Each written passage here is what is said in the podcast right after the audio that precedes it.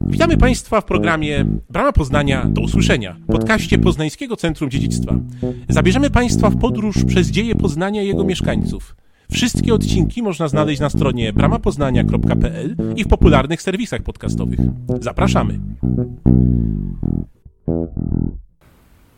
Dzień dobry Państwu, witamy na dalszej części naszego cyklu podcastów dotyczących życia codziennego w Grodzie na Ostrowie Tumskim. W dzisiejszym odcinku porozmawiamy sobie z Ligią Nowakowską. Dzień dobry Ligio. Dzień dobry. Porozmawiamy sobie o higienie, o dbaniu o zdrowie, jak to wyglądało wśród mieszkańców Ostrowa y, Tumskiego, jak dbano o higienę osobistą w średniowieczu i o tym wszystkim, co się też wiązało z ewentualnym jej brakiem, czy jakieś zapachy lub choroby. Ligio, Twoim zdaniem, od czego powinniśmy zacząć? Powinniśmy mieć y, przede wszystkim świadomość, że warunki życia, o których dziś sobie opowiemy, no a co za tym idzie, zasady higieny znacznie odbiegały od zasad higieny, jakie znamy z naszego życia codziennego. Na początek spróbujmy sobie wyobrazić taką typową chatkę mieszkalną y, z tego okresu. Przez większą część y, roku domostwo było raczej wychłodzone i bardzo często współdzielone z małymi zwierzętami gospodarskimi. Żeby się ogrzać, y, rozpalano piec, no jednak jak łatwo się domyślić, wiązało się to z wdychaniem szkodliwego dymu, y, który często nie miał ujścia poza jakimś niewielkim otworem w dachu. Pomieszczenia te z reguły musiały być bardzo mocno osmolone, no i dodatkowo też wyobraźmy sobie, że są zanieczyszczone odchodami zwierząt i nierzadko też zamieszkiwane przez jakieś drobne insekty, czyli wektory chorób. Także y, wydaje się, że no jak na nasze takie standardy to było takie małe epicentrum patogenów. Mm, no jeśli chodzi też o, o wodę, to trzeba było ją czerpać własnoręcznie, tak więc kąpiele czy pranie odbywały się raczej nad rzeką. Tak, pomimo ograniczonej ilości danych na temat niektórych sfer ówczesnego życia, badaczom udało się określić przeciętną średnią wieku. Dla mężczyzn wynosiła ona około 35 lat, zaś dla kobiet około 25. No oczywiście było to związane z prowadzonymi walkami czy powikłaniami okołoporodowymi, jednak interesujące jest, czy brak odpowiedniej higieny w tym czasie był łączony w ogóle y, z chorobami w świadomości ludu, przeciętnego mieszkańca? Mhm.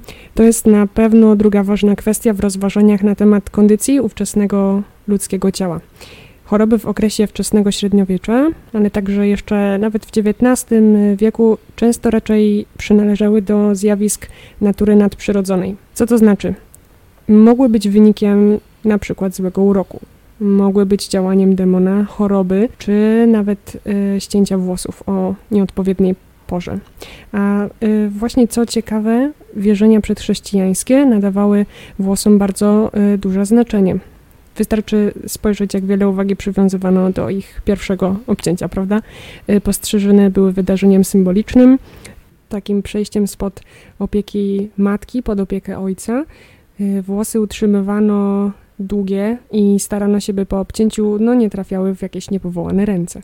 Dobrze, właśnie jeśli chodzi o włosy, zostańmy jeszcze na troszkę w tym temacie. Y, moim ulubionym przykładem jest kołtun. Wprawdzie mówi się o nim mniej więcej od końca XVI wieku, jednak jest to dość ciekawe zjawisko. Kołtun myślę, że moglibyśmy tak sobie trochę współcześnie przyrównać do obecnie istniejących dreadów. Zabobony podpowiadały, że sklejone, brudne, poplątane włosy miały chronić przed chorobą czy bólem głowy. Stąd nie obcinano kołtuna, by go nie rozgniewać i nie ściągnąć na siebie nieszczęścia. Tworzeniu się kołtunów sprzyjały noszone przez chłopów czapki i brak higieny. Najdłuższy zachowany kołtun znajduje się w jednym z krakowskich muzeów. Yy, tak, no tych śmieszących nas trochę obecnie chorób znalazłoby się pewnie całe mnóstwo, podobnie jak yy, praktyk wątpliwych higienicznie, chociaż na plus zdecydowanie możemy policzyć na przykład łaźnie parowe na Słowiańszczyźnie, o których pisali zagraniczni podróżnicy w IX wieku. Już znajdziemy takie informacje. Y, były to drewniane pomieszczenia uszczelniane mchem, y, w których y, dla wytworzenia pary polewano wodą gorącą kamienny piec. Żeby pozbyć się jakichkolwiek takich nieczystości ze skóry, chłostano się brzozowymi rózgami, brzozowymi bądź, bądź dębowymi. Miały one po prostu, podejrzewamy, że taką odpowiednią twardość i nie łamały się przy tej czynności. Pozostałości takich łaźni odkryto również na terenach Rusi, y, Czech, y, tak więc zażywanie tego typu rozrywki było na ziemiach słowiańskich normą. Mm, o takich zabiegach higienicznych naszych przodków też wspominają chociażby Ibrahim ibn Jakub czy Gal Anonim. Y, a co z miastami? W, w miastach między XII a XV wiekiem łaźnie były powszechnym sposobem na zachowanie czystości, ale pełniły też, jak możemy się domyślić, y, funkcje towarzyskie czy obrzędowe. Do mycia stosowano specyfik, łuk, czyli taką gęstą mieszaninę popiołu, gorącej wody, no albo też owinięte w płótno mydło jakiegoś własnego wyrobu. Mhm, właśnie ten y, łuk. Czytałem, że łuk był również popularnym sposobem na walkę y, z plamami. Można było na przykład moczyć w takim ciepłym lub zimnym ługu tkaniny, no i uważano go za dobry odplamiacz i wybielacz, podobnie zresztą jak zostawienie ubrań Y, na słońcu. Czy coś tutaj jeszcze na ten temat mogłabyś nam powiedzieć? Mhm. Tak, choć y, najprawdopodobniej piasek był pierwszym środkiem piorącym, po prostu pocierano nim y, plamy. No nie było to jednak zbyt, zbyt efektywne, jak możemy się łatwo domyślić.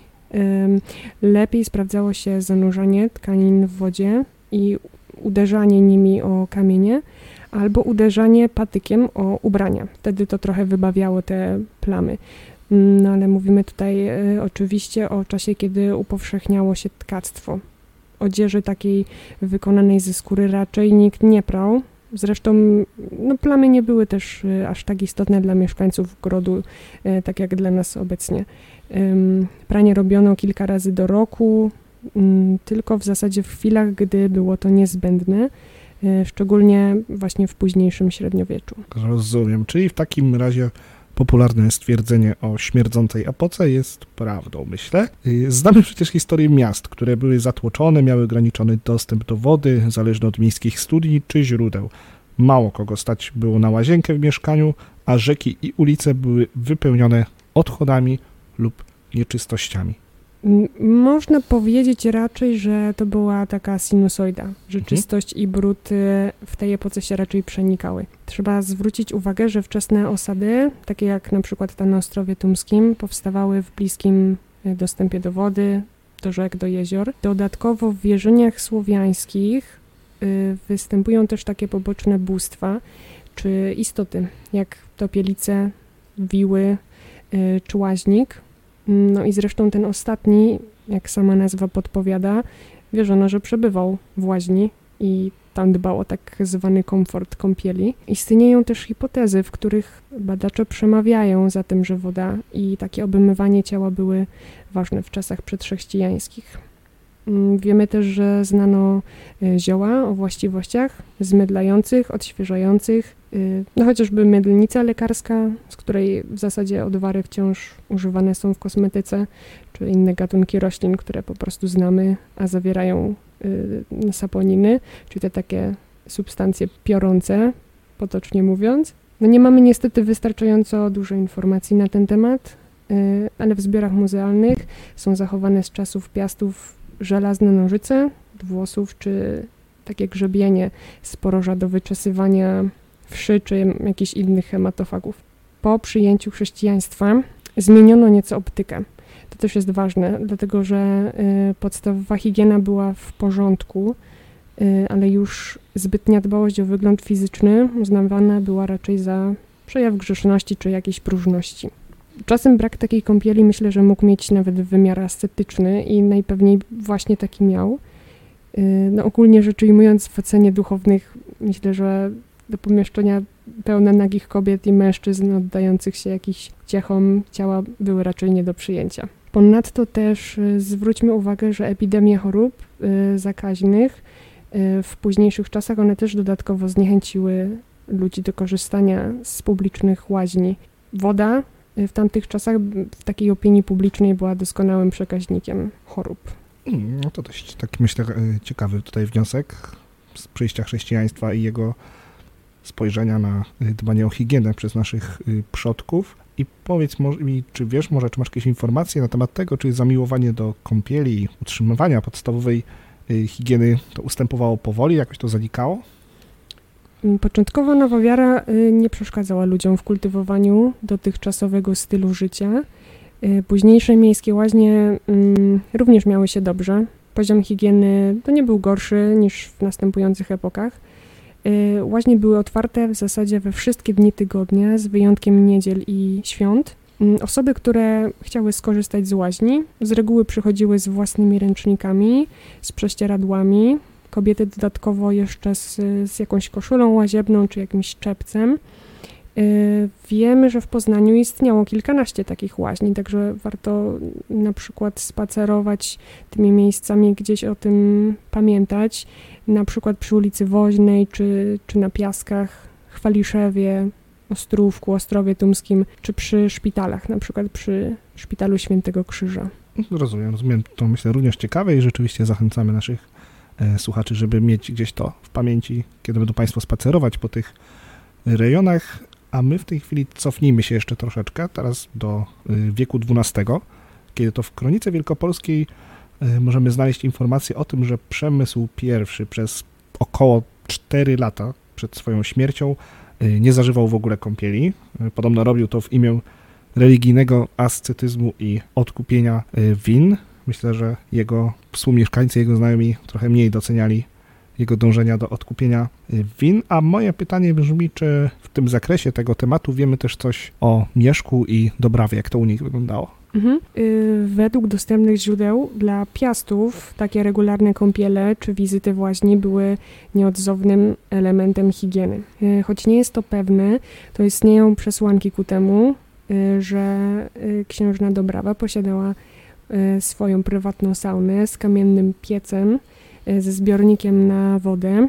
Y, w kronice Gala Anonima jest też również taka informacja o tym, że Bolesław Chrobry często brał kąpiele z użyciem takich dodatkowych jakichś wonnych ziół czy olejków. Mm, Właśnie gościł też często prawdopodobnie swoją drużynę wojów. Dobrze, rozumiem, czyli wniosek jest taki, że nasi przodkowie, szczególnie ci wyżej postawieni, o swoją higienę y, dbali. Myślę, że warto z nich również brać przykład w tym zakresie. A my przejdziemy teraz na moment może trochę dalej w historię, ale też w kontekście czasów, w których sobie teraz rozmawiamy. Y, Erasm z Rotterdamu w swoim poradniku dobrego wychowania napisał między innymi, że nie wypada podchodzić do kogoś i witać się z nim akurat kiedy y, ta osoba kuca, defekuje. I przypomnijmy, że jednak Erasmus z Rotterdamu to już epoka renesansu, czyli wydawałoby się troszkę bardziej też y, światłe czasy. I tak dla porównania, czy kwestia załatwiania potrzeb fizjologicznych y, we wczesnym średniowieczu była równie nieskrępowana jak ta, którą, jak widać, musiał widzieć, spotykać Erasm. No, ten czołowy myśliciel y, epoki renesansu, myślę, że on ogólnie głosił z tego, co kojarzę, że zło pochodzi z niewiedzy, więc może dlatego był też taki bezpośredni. No ale wracając do pytania, y, no to dość trudno na nie odpowiedzieć. Natomiast możemy sobie wyobrazić, że raczej zbytnio nie komplikowano tej kwestii. Y, najprawdopodobniej potrzeby załatwiano w jakichś pobliskich lasach, za pomieszczeniami gospodarczymi lub w samym miejscu, gdzie jakby no, mm, przebywały zwierzęta hodowlane. Szczególnie na wsiach takie zachowanie y, było powszechne jeszcze w XIX wieku. Mm, jeśli chodzi o kobiety i ich taki jeszcze szczególny czas, czyli menstruację, to tutaj najprawdopodobniej używały one mm, podkładów z lnu, włókien roślinnych, w jakimś najgorszym wypadku nawet mchu, trawy czy, czy skóry.